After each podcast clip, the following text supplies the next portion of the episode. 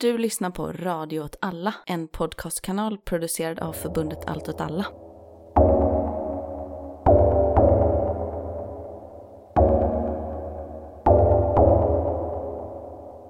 Hej, välkommen till Rörelse. Hej, tack så mycket. Välkommen själv. Tack, tack. Jag heter Martin. Jag heter Myran. Det här är en podd om krig. Ja, väpnade konflikter, konflikter, militära konflikter, geopolitik, något sånt. Vi kanske måste börja säga det här i början av ett avsnitt. Lyssna får gärna komma in med förslag på vad som var sån, Catchphrase liksom. ja, för fred mot krig. Ja, Om krig för fred. ja, kanske. Mot ett borgerlig förståelse av krig. Inget hästkrig bara. Nej, hästar gillar man inte alltså. Hur är det med dig? Men jo tack, det är bra. Jag har varit hemma med barnen hela dagen idag. Mm, härligt. Jag har sovit tills eh, jag vaknade och sen så blev jag bjuden på lite god middag och så hemma hos er. Så jag har haft en trevlig kväll så här långt. Du gick upp, I klockan eh, 15 eller någonting. du gick upp och åt kvällsmat med mig. Precis. Ja, jag förstår inte. Nej, vi kommer klippa bort det här. Ja, ska vi prata om, Kina och USA och deras eventuella framtida väpnade konflikter. Och kanske lite deras pågående konflikter idag. Jag tänker att det här kanske blir en del av en serie. Och att det här då är del ett, eller del två för den delen. Det är lite oklart. Ja. Där vi eh, försöker bena lite i hur eh, den konfliktens grunder och hur man tänker sig att den konflikten skulle eventuellt spela ut. En stor del av avsnittet baseras på boken Kill Chain. Kill Chain är skriven av Christian Brose som var assistent och nära samvets, eller kollega till McCain. McCain då som var en väldigt viktig person inom senaten och inte minst de olika kommittéer och eh, arbetsgrupper som jobbade runt amerikanska försvarsmakten. Och framförallt då hur senaten skulle godkänna olika budgetförändringar i relation till Department of Defense och Pentagon. kan man säga att han var en sån krigshök, vad säger man, warhawk? Att han representerade en sån linje med McCain- väldigt intervenistisk, interventionistisk utrikespolitik. Precis. Och hade ju både liksom bitvis en väldigt aggressiv linje mot eh, Assad, men också mot Iran. Och i förlängningen då också Nordkorea och eh, Kina. McCain var ju, var ju en typ av märklig konflikt med Trump. De kom ju inte överens, och det är väl en stor grej när McCain dör att Trump typ kallar honom för loser för att Just han blev nedskjuten under Vietnamkriget. Han blev nedskjuten jättetidigt under Vietnamkriget. Och eh, sitter i vietnamesiskt fångläger då, han var krigsfånge. Men det är inte McCain vi ska prata om, utan vi kan, kan fortsätta i avstampet i den här boken då, Killchain. För att Killchain var väldigt mycket snack om den när den kom ut, den har ett par år på nacken nu. Men i enkelhet så, så lägger Bros då, författaren, upp ett, han målar upp en, en bild av situationen för den amerikanska försvarsmakten. Den baseras liksom på en rad olika antagande och folk försöker förutspå hur framtidens krig kommer att se ut. Men hans huvudsakliga poäng, USA håller på att falla efter. Gappet till de andra länderna minskar. Och att vi inom en snar framtid i USA inte längre kommer att vara den globalt dominanta makten. Okej, och eftersom man då tänker sig att han är kopplad till den här krigshökslinjen, försöker han då argumentera för att man ska ändra det på något sätt? Och, eller det har- gör han. Är det bara en problembeskrivning eller har han en lösning också på Han har en väldigt ingående lösning, men det som är spännande är att han inte är en hök. Okej. Han lägger inte fram en interventionistisk eh, linje, utan tvärtom så säger han USA måste omgående avbryta majoriteten av sina utlandsoperationer för att vi måste förbereda oss på ett krig mot Kina. Jaha. Det är lite mer Trump då än Ja. McCain. Mm, absolut. Han tycker inte om Trump. Det är ganska Nej. uppenbart i boken, även om man inte skriver det rakt ut. Den är ju skriven 2018, tror jag att den blev utgiven. Men utan att fastna så mycket kanske hans politiska vision, för det är inte egentligen det som är det intressanta med boken. Lika lite som jag tycker att det är intressant att läsa om hur, hur korkat byråkratisk inköpsmodellen är för eh, Pentagon, eller hur det nu kan vara, för det är rätt stora bitar av boken handlar om det. Så är det väl mer spännande att han målar upp en, en ganska krass och ärlig bild av eh, situationen för den amerikanska försvarsmakten då.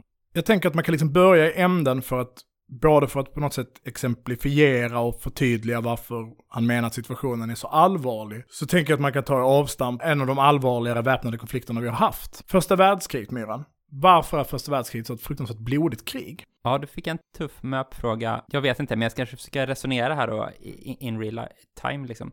Det är så På spåret, du ska verka fram svaret. Ja, precis. Ja, men det man vet om första världskriget var att de låg i de här skyttegravarna hela tiden och sköt varandra. Och att det kanske är då att det inte, man pratar om att det är en köttkvarn och så, att det inte var någon som kunde få övertaget så att alla bara fortsatte ta förluster liksom på varsin sida utan, utan att kunna avancera. Kan det vara med det liksom att man hamnar i ett Ja, men det stiltje? absolut, det här med avancera är en, en viktig bit i det. Så det finns många anledningar till att första världskriget spelar ut sig på sättet det gör, men en av de viktigaste faktorerna till att kriget blir så fruktansvärt blodigt och kanske också rätt liksom, meningslöst, om man får uttrycka det på det sättet, även om alla krig i någon mening är rätt meningslösa, så är det ju att du har en ganska stor diskrepans mellan den å ena sidan teknologiska utvecklingen och å andra sidan eh, operationella eller doktrinella sättet att föra krig på. Så att du har helt enkelt gjort jättestora teknologiska landvinningar på ganska kort tid. Och det var då till exempel gas och sådana saker? Alltså inom kort tid ska då sägas 50-60 år Ja. kanske. Men, men vi har till exempel Eh, det man kallar alltså för smokeless gunpowder. Så du har ju uppfunnit ett krut som gör att kulsprutor och k-pistar och snabbskjutande vapen generellt blir möjligt. Så du har liksom uppfunnit, den har ju funnits ett tag, men du har uppfunnit någon typ av fungerande kulspruta. Du har uppfunnit snabbskjutande artilleri till exempel, vilket ju visar sig vara extremt förödande. Som du nämner gas, men också liksom börjat kunna använda flygplan för spaning. Och det kan man beskriva som en revolution in military affairs. Det är ett begrepp vi har använt tidigare i podden när vi har pratat om, om, eh, om krig. Framförallt eh, är det fred. Ja, avsnitt 11, är det verkligen fred? Alltså, det, vi kan komma tillbaka till det begreppet, men det är ett viktigt militärteoretiskt begrepp. Eh, RMA förkortas det, eller REMA som heter så. Att det har skett någon typ av revolution i hur krig förs. Och det har ju tydligt skett vid första världskriget. Även om det har varit på gång under längre tid så förs kriget på ett helt nytt sätt. Men sättet att föra krig på har inte förändrats. Okej. Mm. Man för krig på samma sätt som man gjorde innan de här teknologiska landvinningarna var gjorda, men med de här teknologiska landvinningarna. Och då uppstår det liksom en, en dissonans i det här som gör att man vet inte, ett, man vet inte riktigt hur de ska användas. Och två, när teknologi uppfinns så är oftast i dens första form den kommer ut så är den ganska tung, den är så immobil, den är kanske lite komplicerad att använda, den är inte förfinad. Och det behövs nästan krig för att den ska kunna förfinas. Och det är inne- användarvänlig på något sätt då? och användarvänligt eller mobila vapensystem möjliggör ju att använda dem offensivt. Så det som händer i första världskriget är att man har många tunga vapensystem, snabbskjutande artilleri, kulsprutor, nya typer av mineringar, gasen, alla de här vapnen. Men ingen av de vapnen är egentligen så utvecklade för att kunna gå på offensiven med. Så den defensiva teknologiska situationen var mycket högre än den offensiva. Och det är ju här ser vi ju sen i andra världskriget den totala vändningen mot det då. Om vi, fastna blitzkrig då? Med blitzkrig, med eh, deep operation från Sovjetunionen. Så de lärdomarna man drar med hjälp av stridsvagnen och den hamnar i fokus. Att man ska inte tillåta den här defensiva typen av krigsföring, utan nu är det snarare trycket, offensiven. Och allt det här möjliggörs på grund av helt enkelt den industriella, eller alltså den kapitalistiska förändringen av samhället, hur man producerar har ju också förändrats, vilket möjliggör massarmén. Har vi pratat om tidigare, att, man nu kan liksom sätta hundratusentals eller miljontals soldater. Radiotekniken har utvecklats så du kan börja ha control and command, alltså att du kan börja leda trupp över långa, långa avstånd. Och det är en av anledningarna till första världskriget blev så fruktansvärt blodigt. Vidare så ser vi hur ny teknologisk landvinning skapar ytterligare, fast kanske inte på nivån av revolution in military affairs, alltså att det har inte skett en revolution, men så förändrar de. Atomvapnen kombinerat med den industriella utvecklingen, automatvapnet, alla de här sakerna gör ju att många uppror blir möjliga. Slagfältet jämnas ut. Och man kan väl tänka sig att, och det är väl poäng, en av poängen boken gör, är att vi, att vi på nytt rör oss in i en period av revolution in the military affairs. Att den teknologiska utvecklingen går så snabbt framåt. De här moderna nationerna har inte mötts i ett krig, de vet inte riktigt hur de här vapnen används. Och många av de vapnen som har kommit är än så länge ganska immobila. På ett mer abstrakt plan så säger man ofta att arméer är formade av det definierande kriget de har varit med i. Och ganska ofta det kriget som de skapas ur. USA är kraftigt påverkade av sin, sitt inbördeskrig, som ju på något sätt var ett konventionellt krig med, mellan liksom relativt jämbördiga parter på ett slagfält. Och det gör att de alltid har haft det konventionella kriget i fokus och för krig på, på ett väldigt konventionellt sätt med stort fokus på logistik och industriell kapacitet. Medan britternas då egentliga koloniala krig har format dem och byggt deras strukturer. Och det här har påverkat deras sätt att föra krig på. Så att de är mer upprorsbekämpande då på något sätt. Och därför anses generellt sett vara mycket bättre att bekämpa uppror, att de har, varit, de har nästan inbyggt i sin strukturorganisation. Och därför är USA mycket sämre då i Afghanistan och Irak än vad Storbritannien hade varit antagligen. Ja, och där brukar man jämföra Vietnam och Burma till exempel. Ja. Som skiljer sig mycket åt, även om det är en ganska elak jämförelse. Men det behöver vi inte Snöa in på. Nej. Man skulle ju kunna hävda att andra världskriget är det definierande kriget för USA. Visst, de hade sitt inbördeskrig, första världskriget är de ju med i, de halkar in på ett bananskal, men första världskriget är det stora kriget som definierar, och definierar väldigt många länders sätt att se på det konventionella kriget. Och om man tittar på hur deras utveckling militärt senare fortskrider, så är det att de i princip bara förfinar vapenteknologi som stod i centrum under andra världskriget. Hangarfartyget är ju jättetydligt hur de använder det mot kejserliga flottan i Stilla havet. Väldigt framgångsrikt. Alltså Japan. Ja. Stridsvagnen står i centrum och idag då resulterar i eh, M1-stridsvagnen. M1A4, eller vad de är uppe i nu. Combined Arms, flygplan, stridsflyg, bombflyg och så vidare står fortfarande i centrum i USA. Saker de förfinade under andra världskriget och under kalla kriget. Många av de här, eller de flesta av de här vapensystemen, är utvecklade under kalla kriget. På 60, 70 och 80-tal. Och alla de här vapensystemen är de som är i centrum för USAs krigsföring idag. Det kom ingen ny stridsvagn.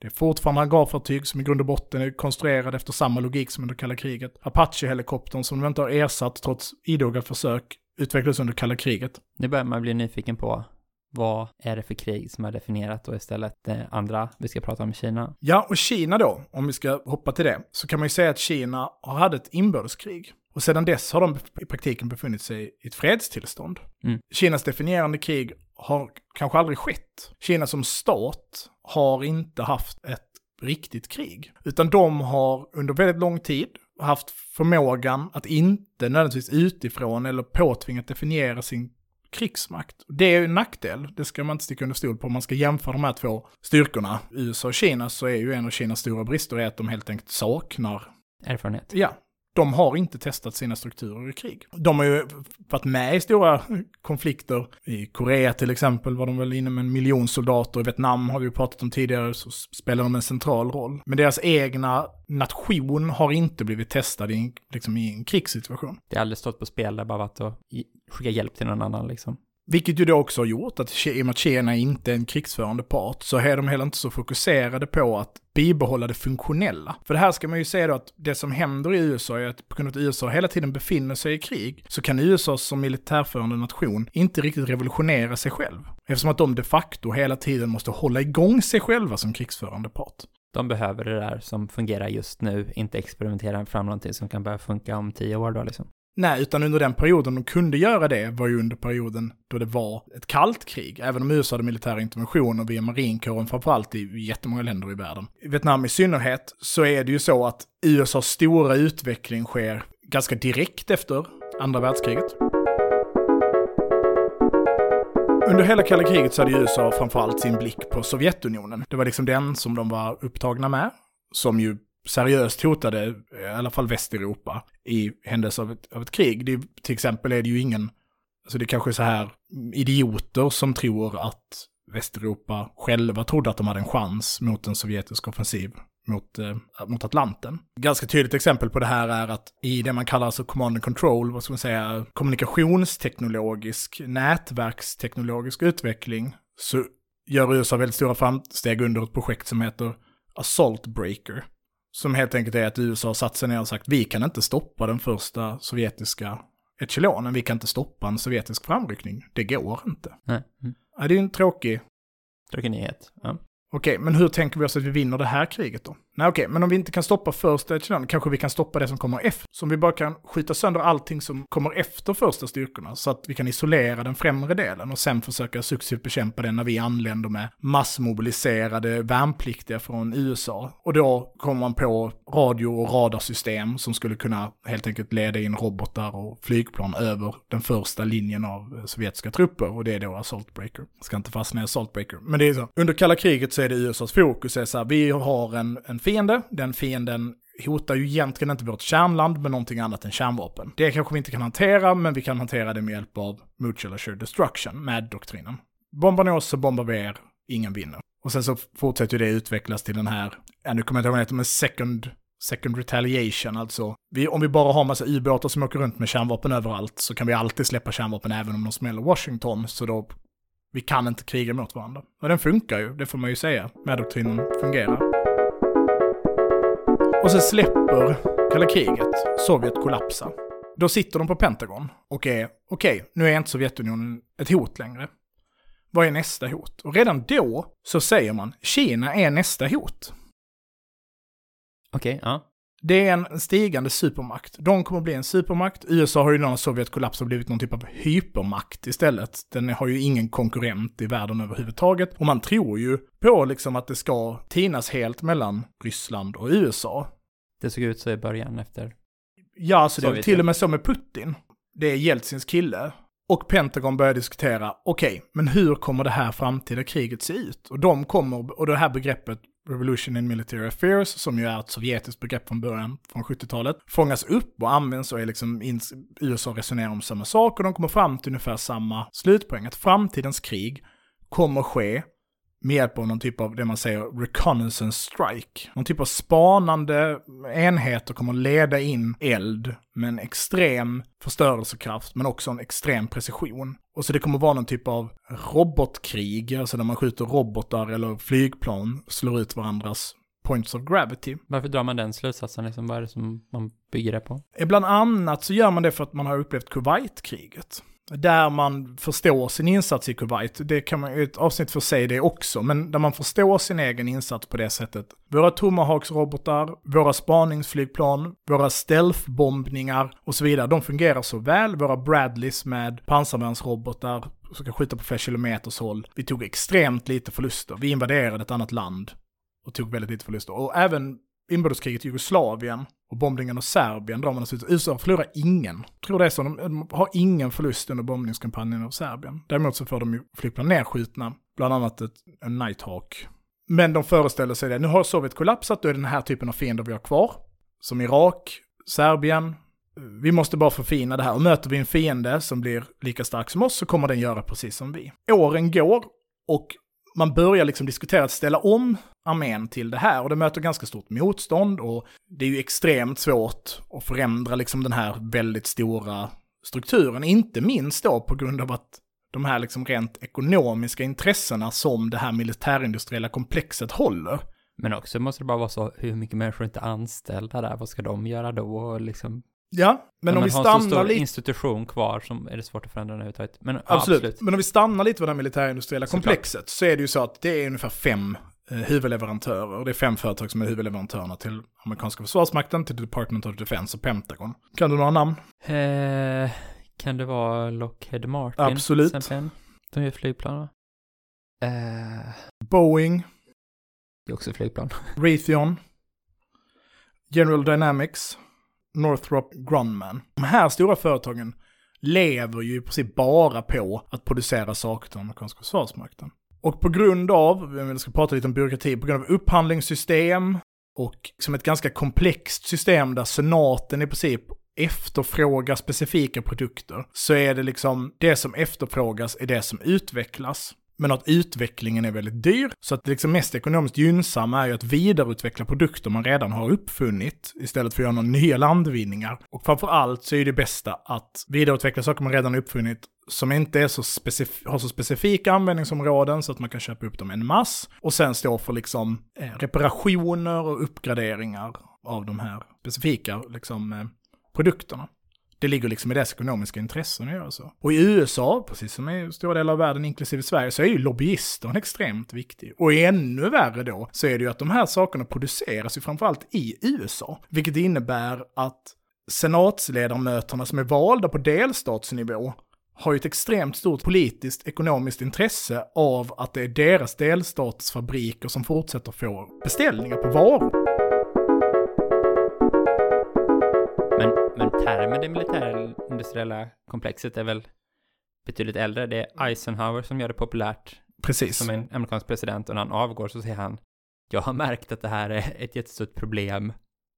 Det här borde vi typ akta oss för eller någonting. Just det här med att de här militärindustrierna är så kapitalstarka att de har råd med så mycket lobbyister att de styr liksom USAs politik på något sätt. Ja, och lite har det förändrats. Men det är spännande, för det militärindustriella komplexet var ju nästan en medveten tanke från början. Alltså att vi behöver de här samarbetsparterna de här uppfinnarna, de här entreprenörerna som ska uppfinna våra stridsvagnar. Eller, och det är så man säger att man vinner andra världskriget, det är ju liksom på grund av deras entreprenörskap. Och Silicon Valley till exempel är ju en ren sån militärindustriell produkt liksom. Men det är 90-tal, Sovjet har kollapsat, man är så här, okej, okay, men det är revolution in military affairs, vi såg det under Gulfkriget, saker och ting kommer att ändras. Kina är det enda, det är det enda som kan resa, och redan då är ju Kina någonstans på G upp. Man vet ju det, USA har ju ett ganska nära samarbete med Kina då, och man vet att Kina är på väg, och det, det, det är, rätt ob, alltså, det är rätt tydligt rent objektivt, en gigantisk nation, gigantiska naturresurser, gigantiskt humankapital, ligger liksom centralt i hela Asien som redan då är en växande marknad. Kolonialismens sönderfall med liksom nya nationer, Sovjet kollapsar, det är bara Kina som kan bli en ny supermakt. Och den här processen börjar de att ställa upp om sig. Men så händer det någonting. De militärindustriella lobbyisterna drar i bromsknappen. Två flygplan flyger in i World Trade Center. det här menar du. Okej. Okay. Mm. Då är det inte 90-tal längre. Då är det inte 90-tal längre. Så under den här processen under 90-talet, man börjar redan göra, man, man redan vid den här tidpunkten har liksom stora, de här eh, krigsspelen, vi pratat om i ett annat avsnitt, där man har krigsspel, där man liksom sitter och, och, tittar på hur, hur en framtida konflikt kommer att se ut. Man har någon så här, det är ett jättestort krigsspel, har jag inte namnet på det, men som heter så här typ 2000 XX Future War. Är det bara amerikaner eller deltar massa nationer? Nej, nej, det är amerikanskt. Det är på brädspelsnivå kan man nästan ja. säga. Och man genomför gigantiska sådana här tester. Och resultatet är helt konsekvent när man spelar de här spelen mot det här fiktiva Kina. Man förlorar varje gång. Det är liksom ett perfekt resultat. Och där är man liksom i tankebanorna. Men sen händer det efter september. Allting kastas liksom upp och ner. Nu är det inte en framtida supermakt, det är inte ett nytt Sovjetunionen vi ska kriga mot. Nu ska vi göra counterinsurgency. Det kan vi inte, för det är inte det vi är duktiga på. Vietnamsåret är extremt djupt, även om man har haft Gulfkriget, för Gulfkriget räknas ju typ inte, för det dör ju knappt någon. Och så ska man ställa om mot det. Och där är man där igen. Ja men då är det ju inte reconnaissance strike. Då är det inte network-centric warfare eller vad fan det nu är. Manöverkrigsföring med gigantiska styrkor. Utan då är det tillbaka till pålitlig fungerande utrustning, truppmängd dit, göra lite combat patrols och så får man uppfinna den typen av vad fan, Vietnamkriget gick åt helvete, nu ska vi göra samma sak igen fast på helt annat sätt. Nu måste vi lära oss det. Och då kan man inte komma och vara så här, fast vänta, vänta, vänta, vänta. vi måste förbereda oss på det här kriget som kanske händer om 20 år. Mot den här, den här växande draken på andra sidan Stilla havet. Nej, det är inte det vi ska göra nu. Nu ska vi slåss mot bruna människor. Det låter som att det här eh, leder upp till konspirationsteorin Kina var bakom 11 september. Mm. Fan, 11 september är också ett jävla bra take, avsnitt ja. alltså. Det borde vi faktiskt göra. Bara vilken extremt väl genomförd uh, operation. Nej, men precis som du säger, konspirationsteorin. Kina skrattar nog sig gott. Och, och det här är helt öppet i kinesiska dokument. De är så, nu har vi en andningspaus. Mm. Och mycket riktigt så har de ju åtminstone 19 år av andningspaus. Där det är så, USA har inte tid och bry sig om oss. För det som också har hänt är ju att i och med Sovjetunionens kollaps och kalla krigets nedgång så kan man börja avveckla den här gigantiska krigsmaskinen man har byggt upp för det kriget som aldrig skedde. Så man börjar dra ner militära resurser samtidigt som man skulle behöva omställa hela militären, uppfinna massa ny futuristisk teknik man inte har uppfunnit och ska föra krig någon annanstans på en mindre budget än vad man haft innan. Mm. Vad som händer i, i Kina känner väl liksom de flesta lyssnare till. Det blir ju mycket riktigt som man har tänkt. Att Kina blir en supermakt. Och det är ju det närmsta vi har en andra supermakt idag. Med liksom, den är växande. Jag läste att, att innan covid så beräknade brittiska CEBR, Center for Economics and Business Research, att Kinas ekonomi skulle gå om USA senast 2033. Och deras nya beräkning efter covid är att det här kommer att ske senast 2028. Oj. Det är ändå det är inte, inte långt, så långt bort. Nej. nej. Och då blir bruttonationalprodukten större i Kina. Kina har heller inte ett militärindustriellt komplex på det sättet. Nej, de har bara femårsplaner. De har femårsplaner och de är företag som ägs av staten. Och det är klart att det finns liksom korruption och nepotism och troligtvis på en ännu mer bisarr nivå än i USA på många sätt. Men all teknologisk landvinning står till statens förfogande på ett sätt den inte gör i USA. För att när vi pratar om de här fem stora företagen i det militärindustriella komplexet som står för nästan hela den ekonomiska transaktionen mellan staten och företag i relation till deras försvarsmakt, så är det ju företag som inte är med där. Microsoft, Apple, Amazon, Det som man brukar kalla FANG-företagen då. ja, Big Tech. Mm. De är inte huvudleverantörerna till USAs försvarsdepartement. Men de är ett produkt av Silicon Valley på något sätt. Precis, de är sprungna ur det. Men på grund av det, många av de sakerna som händer då, både under kalla kriget, Vietnam till exempel, främjar stora delar av den intelligensia som har, av ingenjörer som växt fram runt Berkeley då. Så bara att det är så här, man vill inte jobba för amerikanska försvarsmakten. Alltså av rent politiska skäl vill inte up and coming kodapor och ingenjörer jobba för amerikanska försvarsmakten. Det andra är att på grund av alla de här lobbyisterna så är det liksom skitsvårt att ta sig in på marknaden att leverera produkter. Alltså jag, jag tror att det var 2019 amerikanska försvarsmakten skaffade sig en molnbaserad tjänst för att spara data. Ja, det är sent. Alltså deras chattsystem de använder när de sitter på de här informationsnoderna i deras extremt informationstäta högkvarters liksom, funktion, där information matas in från drönarbilder och liksom, avkrypterad kommunikation. Information som kommer fram ur deep interrogation eller vad fan som helst. Då sitter de i stora rum, de kan vara stora som gympasalar med stora skärmar på väggarna, tänk en film, liksom massa människor sitter och knappar på datorer. Deras sätt att kommunicera med varandra är mirk. Nice. Det är där de är. Det är lättare att springa till andra sidan rummet och berätta någonting, för du har ingen röstbaserad teknologi för att skicka information. När de ska berätta... Det är inte- snabbare att springa genom e- ett rum än att sitta på IRC Mirk och skriva och ner, och skriva ner den här informationen. Det följer väldigt mycket information. Precis. Det. Det här jag beskrev att det är väldigt, väldigt mycket information Men ska man ska skriva bearbeta. bara känna hur läget då är det snabbare att skriva i chatt. Så cutting edge, liksom teknologiutveckling, sker inte inom militären, utan det sker inom här, social media och streamingtjänster och sådana saker liksom. Google är ju inte officiellt, eller Alphabet är ju inte officiellt en leverantör till amerikanska försvarsmakten. Det ska jag inte ta gift på. Men på grund av att de olika, infek- den olika spaningsteknologin inte kan samköra sina system, de kan liksom helt enkelt inte skicka information mellan varandra, utan bara till den här noden via egenprogrammerad mjukvara, så beskrivs det, inte officiellt, men bland människor som jobbar med det här, att man får använda Google Maps för, för att kunna berätta var man menar att någonting händer. För de har inte Google, de har inget eget Google Maps. det är nice. Det är som, då kan man också ha ett hemma-pentagon ifall man vill. Du och jag kan dra upp Google Maps här och sitta och göra motsvarande research. Ja, så geolocating. Ja, jo, det är en grej. Geolocating är då att när man ser en bild, någonting har hänt från en krigszon eller vad som helst, så kan man börja Google Mapsa för, vad ska jag säga, landmärken på bilden och så kan man se dem i relation till varandra och mäta ut vinklar så då kan man räkna ut var på kartan någonting exakt har skett. Och det är ofta ett sätt man kan verifiera att en bild är äkta eller inte. Någon hävdar det här sker i den här stan. Ja, men då jämför vi bilden med landmärken man hittar på Google Maps och så stämmer det eller så stämmer det inte. Så i praktiken har du en situation där soldaten går hem till mer avancerad teknologi än vad världens största krigsmakt tillhandahåller. Ja. När SpaceX vill sälja in sin superduper rymdraket, som är det, väl, tiodelar kostnaden eftersom att de är återanvändningsbara, i teorin, ska vi sägas, då får de stämma amerikanska staten för att de inte köper de här produkterna av dem. För att de ska köpa den av Raytheon istället eller någonting. Mm. Precis. Situationen i Kina är ju liksom det omvända. Ni vet man pratar om 5G och så. Det är liksom kinesiska staten, inte att man får cancer Nej, eller att man får hjärtattack. Jag gav dig en sån blick nu. Men Ja. Och de vill att alla ska få hjärtinfarkt. Nej, det var inte. Så att Microsoft, alla de här stora techföretagen, alla de här stora techföretagen, de gör ju affärer med Kina. Och på många sätt, även om det håller på att förändras just nu, har liksom mer transaktioner, ekonomiska transaktioner till kinesiska staten än vad de har till sitt eget försvarsdepartement. Ja.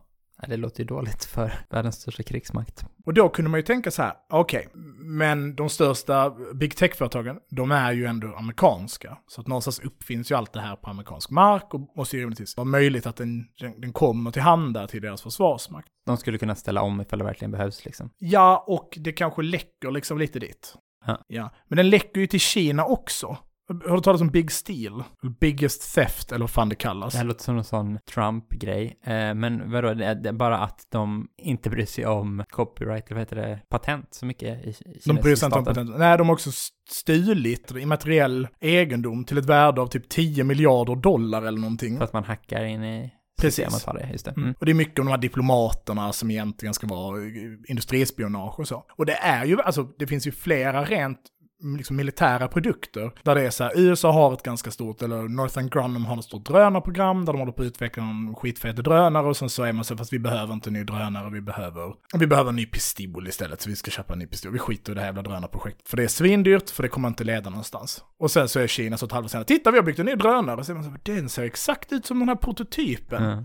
Och det har liksom hänt flera gånger att nedlagda amerikanska projekt för att man har definierat dem för dyra och lite för otydligt vad man ska ha dem till. Alltså lite så teknologi utvecklas. Man Mm. uppfinner saker man inte riktigt vet vad man ska ha det till och sen så blir det någon typ av snowballing-effekt. Det är ju så också som att Kina bara får all den teknologin. Men då, hur går det till? Men att de köper upp den då för att de kan få köpa del projekt eller bara snor dem? De bara snor dem. Ja. Och det är ju mycket det här med liksom när saker skjuts ner och sånt så är det ju en stor pryl. Bland annat den här Nighthawken som skjuts ner över Serbien är väl sånt. Sen dyker den upp i Kina och så har Kina byggt en egen stealthbombare. Att man heter backwards engineering eller vad det Ja. heter? Att man plockar isär det och så bygger man en kopia. Precis. Det är kul det här med pistol bara, jag kan ta det som ett exempel. Det heter Reverse. Reverse engineering heter det såklart. Man kan bara ta det här liksom byråkratiska systemet då. Kan vi ta exemplet med en pistol. USA bestämmer sig om det är 2014 och 2016 för att skaffa en ny pistol. Coolt. De behöver en ny pistol, de har haft M9 Beretta tidigare tror jag är den officiella, men det har varit mycket Glockor och lite annat. Så, hur lång tid tror du det tog för dem att bestämma vilken ny pistol de ska ha? Det är en pistol, det är inte det viktigaste. 20 år kanske? Nej, nej det gjorde det inte. Det tog två år. Och utprövningen kostade 17 miljoner dollar för en pistol. Då är det alltså, det är vad det hade kostat att köpa pistoler till hela amerikanska armén. Men tillbaka då till Revolution in Military Affairs. Att, men vad är det då för teknik som ska helt revolutionera sättet det förs krig på? Jo, men då finns det ju ett par saker som sticker ut, som man liksom är på nästan där nivå, vissa är redan här, men aldrig testats. Och andra saker är så här, ja, det här kommer, men det är långt fram i tiden. Jag vet inte riktigt den enda vi ska börja, men vi kanske ska börja med det som redan finns här. Och då är det två stycken saker man räknar eventuellt revolutionerar hela krigsföringen. Lite som kan då skicka oss tillbaka till den här första världskriget situationen. Och det första, som man jag... gissa. Sådana missiler som bara åker runt, runt, runt jorden på liksom att, i rymden och sen ska de dyka ner.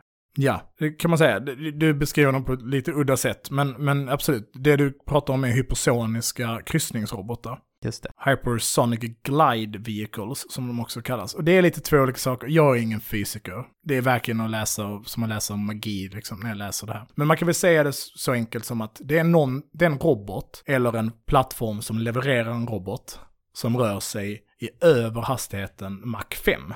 Då är den hypersonisk. Och hypersonisk då är alltså, Bättre än Supersonic. ja, och soniskt betyder då snabbare än ljudet färdas. Vi kan prata om hastigheter upp till 6800 meter i sekunden. Det är snabbt. Det är jättesnabbt. Jag har sagt ofta att jag springer snabbare än olika sorters djur. Till exempel igelkottar och hästar, men Det så snabbt springer inte ens jag. Nej, så snabbt springer inte ens du. Och vad är då prylen med det hypersoniska?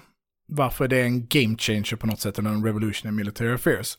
För att du inte kan ha sån eh, Star Wars defense där du skjuter ner incoming liksom kanske? Ja, för det första är det ju så att de rör sig så snabbt så att ett, du kan inte ha en människa som tar beslutet att skjuta, för du hinner Nej. inte ta beslutet. Två, den rör sig också så snabbt att motmedlen hinner inte ifatt den. Och det här med hypersoniska vapen är liksom inget nytt. Och då kan vi väl ta och reda ut de här två sakerna då. Det finns två typer av robotar, vi har pratat om det här tidigare. Det finns, det finns jättemånga olika typer av robotar. Men i det här fallet så pratar vi om ballistiska robotar eller kryssningsrobotar. Och den ballistiska roboten, hela grej är, den skjuts som en kanonkula kan man säga. Lite mer avancerat. Men den får en punkt, den ska träffa, du skjuter av den i en bana, den, passer, den går upp, ibland ut ur atmosfären, ganska ofta inte. Och sen dyker den ner och med hjälp av fysikens lagar så rör den sig jättesnabbt, oftast hypersoniskt snabbt, ner till målet den träffar.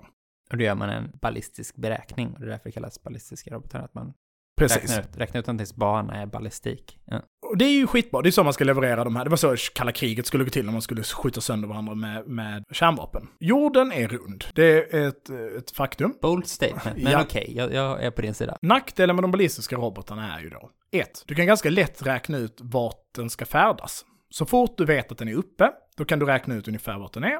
Det innebär att du kan förbereda motmedlen. Du kan ta beslutet och säga okej, men det här, den är på väg mot Moskva eller Washington. Aktivera våra luftvärnsbrigader här. För du ser den väldigt tidigt, för att om radarsystemen, när den går upp så högt, så ser radarsystemen den. För den döljs inte av jordens Kurvatur. kurvatur. ja. Och även om den rör sig väldigt snabbt, så på grund av den ballistiska banan så är den också väldigt, den är väldigt synlig. De använder också stora, stora mängder raketbränsle, vilket också är synligt med IR till exempel. Du kan ha satelliter som tittar. Så, det är den ballistiska roboten. De kvasiballistiska robotarna rör sig inte så högt upp och de kanske har lite mer styrmedel, men de fungerar under samma princip. Vi såg ju en del sådana användas under Armenien, Azerbajdzjan eller konflikten om Nagorno-Karabach. Kryssningsroboten då, dens grej är att den är mer som ett flyg, flygplan. Den rör sig inte alls lika högt, den går liksom inte upp i atmosfären. Fördelarna med det är då, du kan styra den. Det kan åka i en mer komplex bana, du kan undvika punkter du inte vill, den är mer oberäknelig. Men till nackdelen med den är att den är betydligt långsammare. Så att då kan du skjuta ner den med luftvärnssystem. Så att skyddar du bara de viktiga punkterna så kan du skjuta ner den på grund av dess hastighet är så pass låg. De hypersoniska robotarna tar liksom det bästa från båda två. Som jag förstår det så fungerar en hypersonisk robot ungefär så här. Du skickar upp ofta då ett, liksom ett glidarsystem som bär roboten, antingen strax ovanför eller strax under atmosfären. Och den farkosten, om vi ska kalla den det, den här glide vehicle, den kan röra på sig. Så du har där oberäkneliga relationen. Den går inte heller upp så högt så att du ser den inte så tidigt. Och sen kan den antingen upp liksom över atmosfären och sen ner för att nå de här hypersoniska hastigheterna. Eller så dyker den bara från den positionen den redan befinner sig. Så den blir oberäknelig precis som kryssningsroboten men kan röra sig i hastigheter av den ballistiska roboten. Och då, i teorin, så är den i princip omöjlig att förhindra. Men, och den kan leverera laddningar på nivå av de ballistiska robotarna. Ganska många av de här fallen är det ju i princip gamla ballistiska robotar man då applicerar de här hypersonic glider vehiclesna på. Och så. Ja, man liksom lastar dem med Ja, man ombyggda... sätter som en tillsats på dem kan man Mm. väl säga. Det är det hypersoniska. Det gör i princip då, om vi går tillbaka till strukturen av den amerikanska armén, vilket är ju så här, USAs försvarsdoktrin är vi slår hårdast av alla andra, vi kan projicera makt var vi vill i världen. Vi har våra hangarfartyg, vi har våra stridsvagnar, vi har våra baser, vi har baser i hela världen. När vi hamnar i en konflikt skickar vi dit vår järnjätte dit. Ett jävla berg av soldater och högteknologisk krigsmateriel. Och det kan ta tid. Jag tror Kuwait är en upptakt på sex månader. Vi kommer Irak, vi kommer, ni får bara vänta sig, nu är vi här och så, så kör vi över vår motståndare. Man har hangarfartygen då som spelar en extremt viktig roll i den här förmågan att projicera makt. Vi kan, vi kan flytta våra militärbaser. Och fram kommer de hypersoniska robotarna. DF-17 då, som är en av de pratas om, en kinesisk hypersonisk robot. Den är testad. Vid ett tillfälle då USA rör sig nära Taiwansundet, heter det va? Havet mellan Kina och Taiwan. Så skjuter Kina en sån här på ett liksom, falsk hangarfartyg för att visa vad de kan göra och träffa. Det räcker liksom att en sån här robot träffar ett hangarfartyg och sen är det hangarfartyget sänkt. USA har inte så många hangarfartyg. Hangarfartygen är ofantligt dyra och det är jättemycket amerikaner på dem och det förväntas ju kunna leda i princip hela krigsinsatser från dem. Så så fort du har den här tekniken, då kan du låsa ute USA ur sfärer, helt enkelt. Du kan säga 800 mil från vår gräns kan inte ni vara, för då kan vi sänka ert skepp. Och i förlängningen så innebär det också att du kan göra så här, om ni börjar bygga upp krigsmakt mot oss, så kan vi leverera en hypersonisk robot till en bas i Amerika. Och ni kan inte stoppa det. Och det är inte så här kärnvapenladdning, utan ni säger att ni ska komma hit och hjälpa Taiwan, då är ni en aktiv krigspart i det här och vi kan spränga Fort Bragg. Och USAs få men stark vi pratar om det här i svärmavsnittet när vi diskuterar svärmen, är att USA baserar sin krigsföring på att vara få, men väldigt, väldigt starka. De dyra, välutbildad personal, jättebra stridsflyg, eller vad det nu kan vara, men som är ofantligt dyra och är svåropererade. Och Kina i sin tur säger, men vi kan skicka 500 sådana här robotar mot er, och det räcker att en kommer fram. Och den tekniken finns idag. De har hypersoniska robotar, de är jättedyra ska sägas. Men som mycket teknologisk utveckling så kommer ju det bara gå liksom snabbare och bli effektivare i sin produktion. Det är ju liksom den tekniken som existerar idag. Den tekniken som existerar idag men är liksom fortfarande på upptakt på något sätt är ju kvantdatorer. Det är ren jävla magi för mig. Jag försökte läsa och fatta vad det var, men vi bara skiter i hur de fungerar, för de fungerar uppenbarligen. Så kan man säga att kvantdatorer är som att ta världens bästa icke-kvantdator och sen är en kvantdator 10 000 gånger bättre än det. Det innebär att den kan kryptera 10 000 gånger bättre än den bästa konventionella datorn. Och den kan avkryptera 10 000 gånger bättre. Den kan skicka information 10 000 gånger snabbare och så vidare och så vidare och så vidare. Men är väl ganska användarovänlig som jag har förstått poängen, liksom att det inte är helt, det är inte bara att de har en 10 000 gånger snabbare dator än någon annan, eller? Nej, jag tänker inte att det är som i Win, att man Nej. bara så här, gud vad snabbt det gick att starta Windows, det startade innan jag tryckte på knappen. Nej, men jag vet, Kina har väl genomfört bland annat ett krypterat Skype-samtal för att visa upp det med hjälp av en kvantdator. Så att, och det är som sagt teknologi som inte riktigt finns.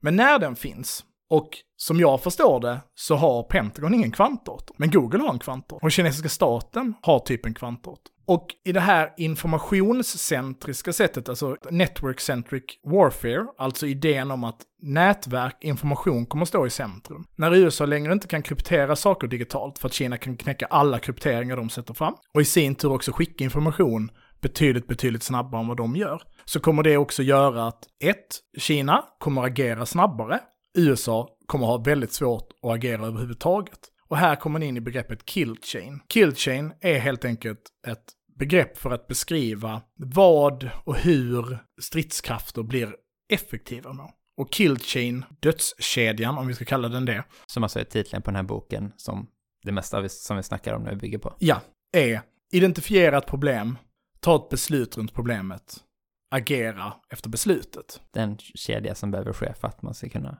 döda någon. Ja. Mm. Ju snabbare den sluts, ju effektivare är man.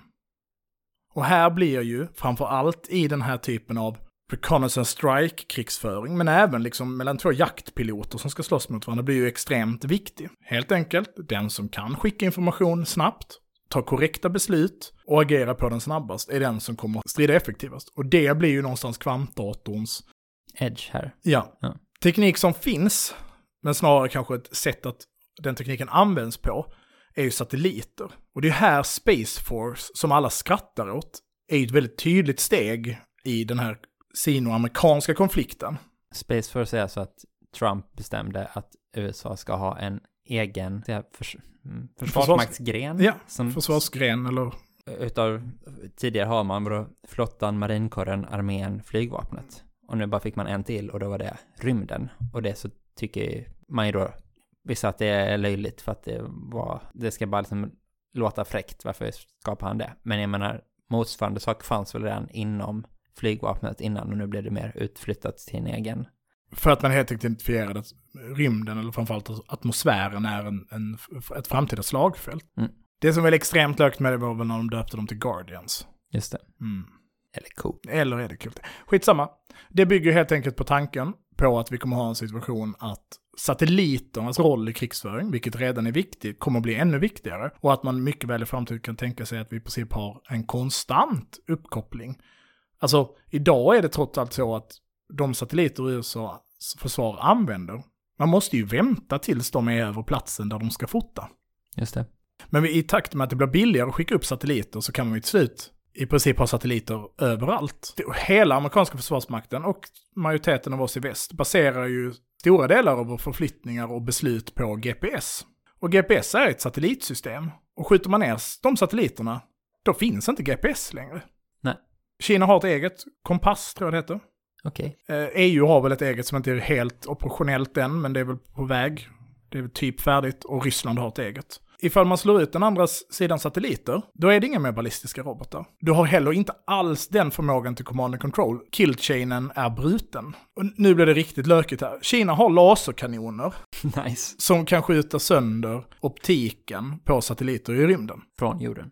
Från marknivå. De här laserprojektorerna används framförallt för att göra avståndsbedömningar till satelliter. Och det har USA också. Det är ju så man skjuter ner dem med robotar istället. Så att man bara, så långt bort är den och så skjuter man en robot på den. Men, men jag läste om det, förvisso inte i Killchain, men det verkar vara en grej. De har laserkanoner. Och jag tror att man räknar inom fem år så har de laserkanoner som kan skjuta sönder satelliterna. Alltså, Kommer man se så en röd stråle stå upp tror inte upp? det, men det är från fysiker, synd, det är synd alltså. ja. Och den tekniken är rolig, ska vi sägas också, för, rolig, makabert på något sätt, men de drar ju en extrema mängder energi, och för att använda dem offensivt, alltså om du de här laserkanonerna utvecklas till punkten du faktiskt kan börja skjuta sönder saker med dem, använda dem offensivt, då kommer du ju behöva uh, sätta dem på saker som har extrem tillgång till energi. Bitcoinfabriker. Till exempel bitcoin, men också kärnkraftsdrivna ubåtar och fartyg. Och det tycker jag är en ball tanke. De blir hyperaktuella igen. Kärnvapen. Precis. Kärn, kärnkraftsubåtarna. Precis, med laserkanoner på istället. För att det man också tänker att de här laserkanonerna i framtiden då ska kunna göra i teknik som ännu inte finns, men Kina utvecklar väldigt snabbt, är ju att de kommer att vara väldigt bra som eh, luftvärnssystem, eftersom att det är i princip gratis att avfyra dem och projektilerna blir ju väldigt snabba. Det är inga projektiler, så därför blir de väldigt snabba. Finns det någon eh, liksom aspekt av så här den flygande bilen-grejen i det här liksom? Det är en superbra teknik som kommer komma om se så långt in i framtiden, men så bara gör den aldrig det. Det Allt det här är ju på den nivån. Ja. Det finns ju en stor kritik med hypersoniska robotar som är så här, det här är bara dyrare sätt och det är inte så bra. Mm. För att det är typ lika bra som en ballistisk robot, fast Ja. bara jätte, jätte, jätte, jättemycket dyrare. Lite som en flygande bil, det hade ju gått att göra. Men det är också bara jättedyrt och helt meningslöst. Det får komma ett krig för det ska testas för att man ska veta Ja. ifall det var värt det liksom. Ja. Och ganska mycket är det ju så att krig handlar inte, alltså, eller förlåt, krigsmakter handlar ju ganska lite om krig och bara visa sin förmåga till att projicera makt. Så att det spelar ju inte heller så mycket roll om de funkar eller inte. Vi har inte testat sådär jättemånga kärnvapen på Nej, varandra. visst. Men USA invaderar inget land med kärnvapen. Nej. Och det sista kanske som är viktigt att ta upp i den här, den här tekniken som är på väg och som utvecklas ganska snabbt, det är ju AIn. Och då kanske man ska göra den distinktionen mellan den generella AIn och den specifika AIn. Alltså att det kommer komma ett läge där på grund av att kriget både skalas upp på grund av satelliterna, hypersoniska robotar och så vidare, så kommer beslutsfattningen också tvingas snabbas upp. Just det. Vi pratade en del om AI och beslut och sådana saker i avsnitt sju, autonoma mördarrobotar. Mm. Är det, kan du knyta an till den?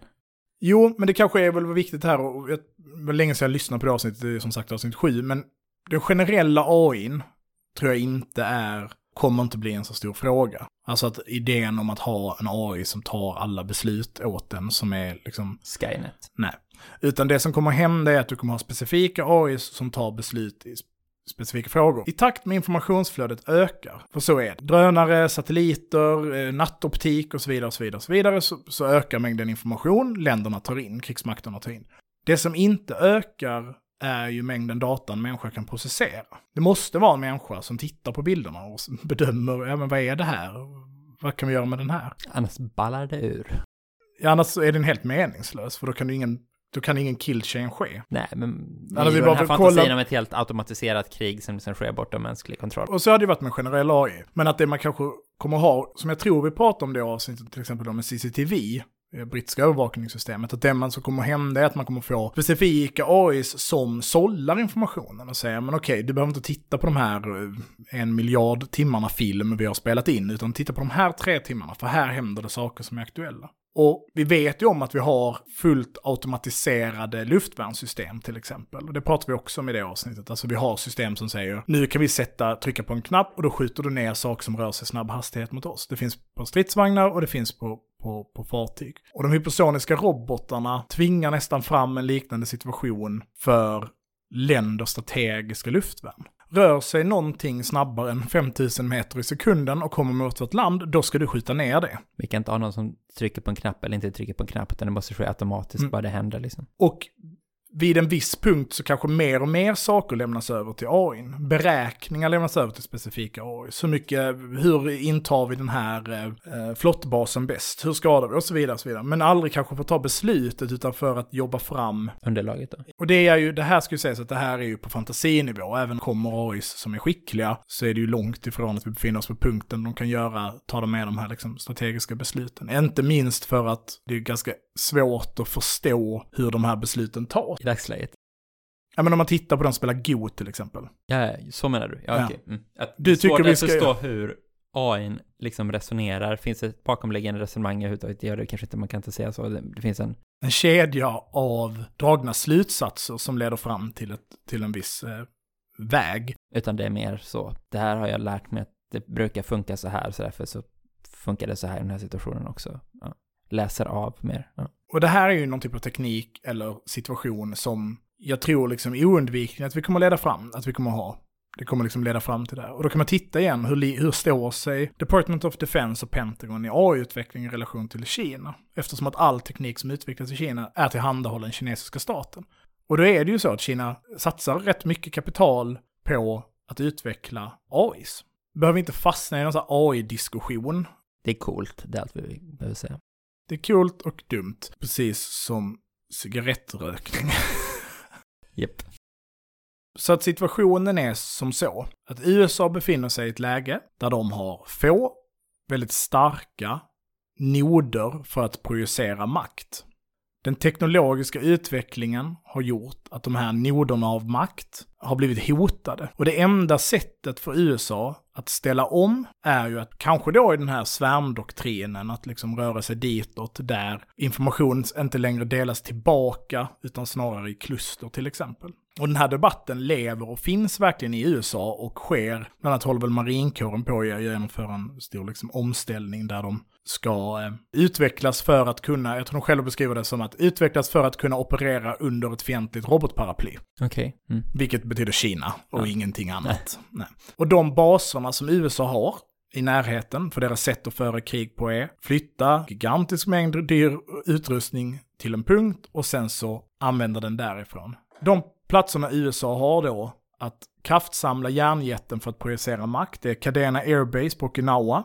Den är 700 kilometer från kinesiska fastlandet. Huserar 18 flygvingen. Det är den största flygflottiljen USA har. 20 000 soldater, piloter och familjemedlemmar bor där. Camp Humphreys, det är USAs till ytan största bas utanför USA. Den armébas, 28 000 till 45 000 boende, för 400 kilometer till kinesiska fastlandet. Vart låg den sa du?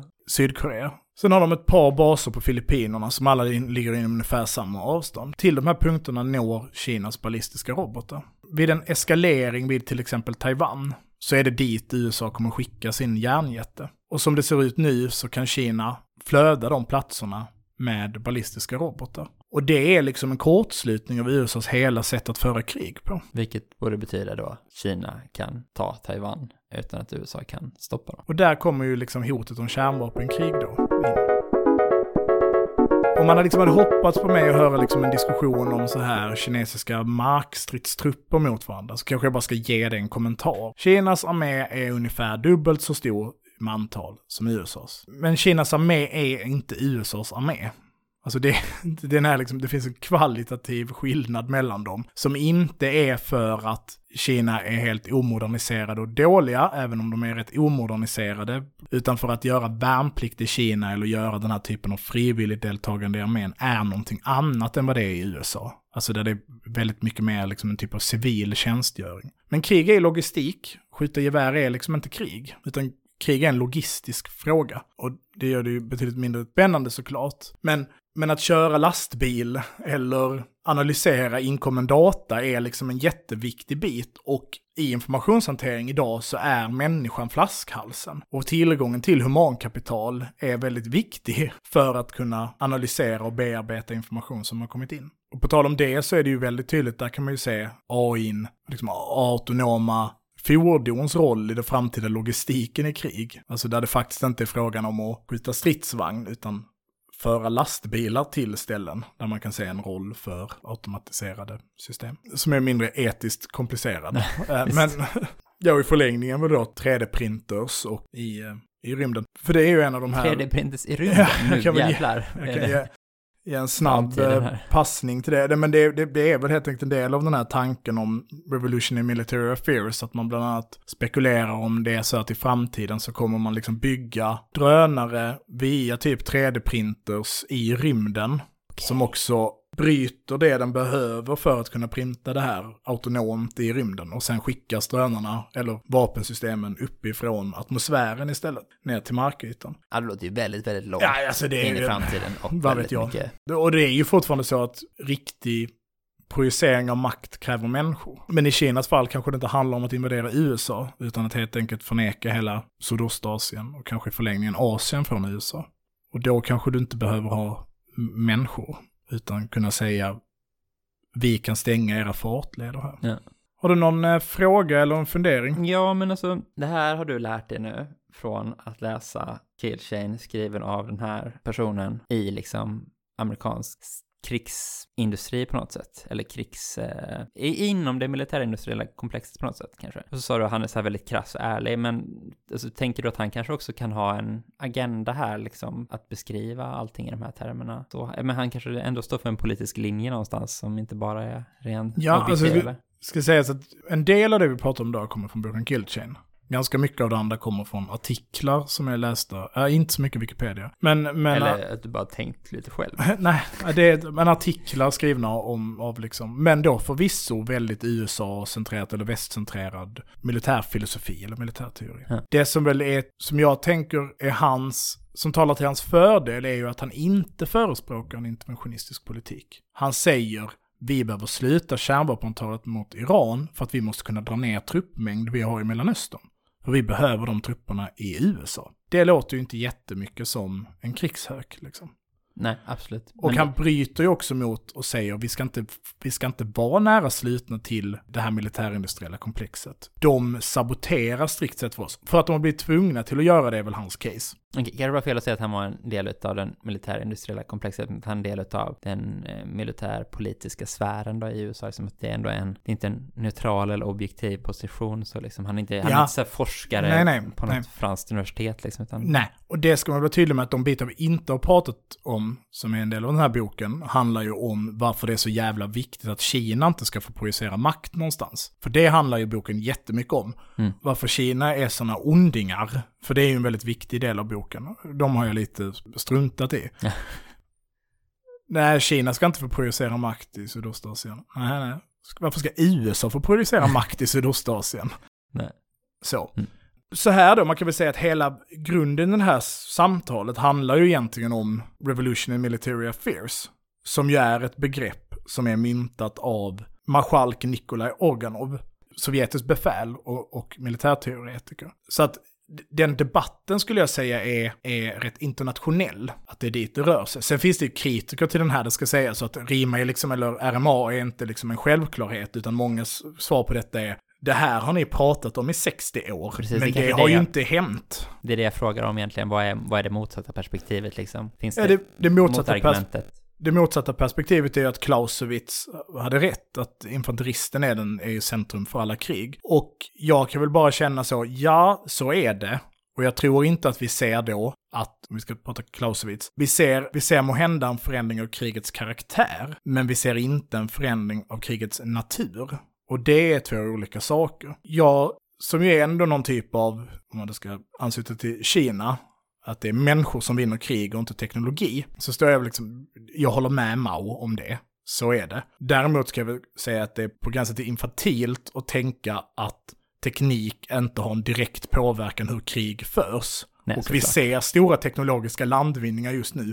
Vi ser bara inte dem i krigsföringen. Vi kan ju ta Nag- Nagorno-Karabach-konflikten då som exempel, där man ser hur drönare verkar helt tagit över rollen för vad flygvapnet gjorde tidigare. Det är ju liksom, sen är inte det två supermakter som stred mot varandra, absolut inte. Men ändå uppbackade av Alltså Stormakter. tanke på våra, att vi har datorer i våra fickor, vi har liksom informationsteknologi rör sig supersnabbt. Och om, om man säger amatörer pratar taktik, proffs pratar, logistik när det gäller krig, så vid tanke på den informationsteknologiska utvecklingen, att det inte skulle ha en direkt påverkan på krigsföringen, ja, det, det är liksom otänkbart för mig. Och sen så kanske inte det innebär då att framtidens krig bara kommer föras av olika satelliter som skjuter laser på varandra Nej. eller automatiserade eh, stridsvagnar som agerar autonomt. Liksom. Men å andra sidan, jag tycker inte det känns orimligt att rymden skulle kunna bli ett, ett mycket mer central krigsskådespelsplats. Nej. Bland annat på grund av kapitalismens inneboende liksom expansionistiska tendens.